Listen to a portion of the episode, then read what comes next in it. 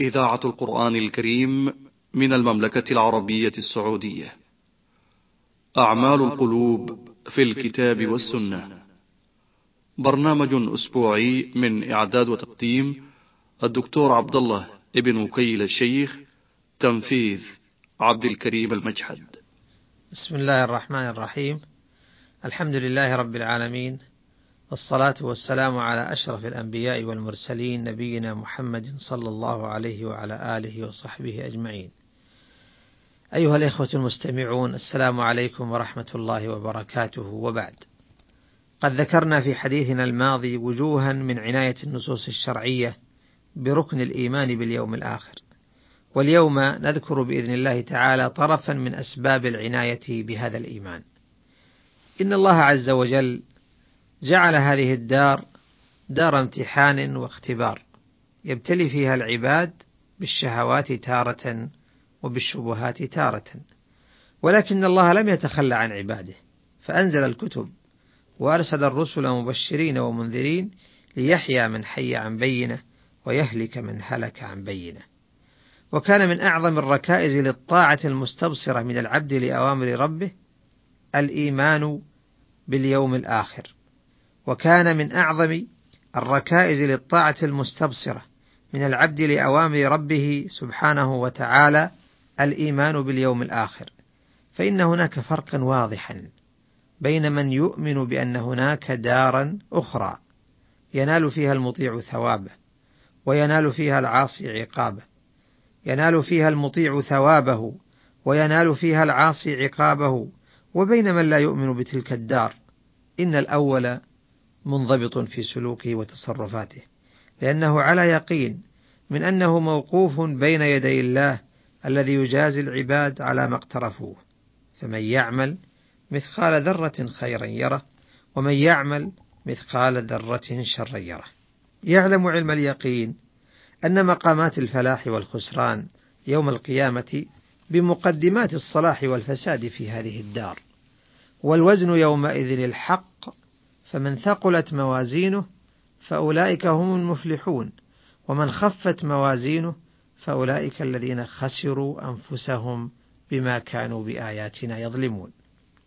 وعلى النقيض من هذا ذلك الذي لا يؤمن بهذا اليوم ولا يقيم له وزنا لن يكون هناك مانع له في الحياة من ارتكاب الظلم والعدوان إلا عجزه أو خوفه ولن تكون دوافع الخير في نفسه قوية. لتحمله على فعل أنواع البر وشرائع التقوى. وقد كثر في القرآن الكريم الربط بين الإيمان باليوم الآخر وصلاح العباد والربط بين الكفر باليوم الآخر وفساد العباد. قال تعالى كل نفس بما كسبت رهينة إلا أصحاب اليمين في جنات يتساءلون عن المجرمين. ما سلككم في سقر؟ قالوا لم نكن من قالوا لم نكن من المصلين ولم نكن نطعم المسكين وكنا نخوض مع الخائضين وكنا نكذب بيوم الدين حتى أتانا اليقين. فما تنفعهم شفاعة الشافعين؟ فما لهم عن التذكرة معرضين كأنهم حمر مستنفرة فرت من قسورة. بل يريد كل امرئ منهم أن يؤتى صحفا منشرة. كلا بل لا يخافون الآخرة. ويقول تعالى ويل للمطففين الذين إذا اكتالوا على الناس يستوفون وإذا كالوهم أو وزنوهم يخسرون. ألا يظن أولئك أنهم مبعوثون ليوم عظيم؟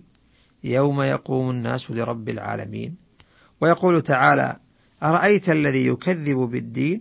فذلك الذي يدع اليتيم ولا يحض على طعام المسكين. أرأيت ترك الصلاة؟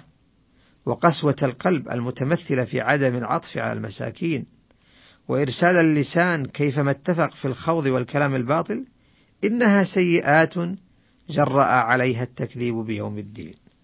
وأرأيت أيضا التطفيف في الموازين والبعد عن العدالة في البيع والشراء والنهر في وجوه الأيتام المكسورين ويبس الأكف ويبس الأكف عن إطعام المساكين إنها ألوان من الخطايا.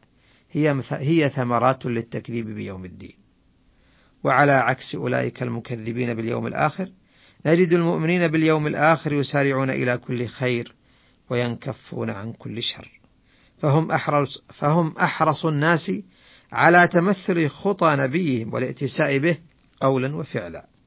لقد كان لكم في رسول الله أسوة حسنة لمن كان يرجو الله واليوم الآخر. وهم المنقادون لمواعظ الحق سبحانه وتعالى في أمورهم كلها وكمثال على ذلك أمر الأسرة والتعامل مع الزوجة. فإذا بلغن أجلهن فأمسكوهن بمعروف أو فارقوهن بمعروف وأشهدوا ذوي عدل منكم وأقيموا الشهادة لله ذلك يوعظ به من كان منكم يؤمن بالله واليوم الآخر. وهم المحافظون على صلواتهم بأدائها في أوقاتها مراعين فيها كمال الخشوع والخضوع لله رب العالمين.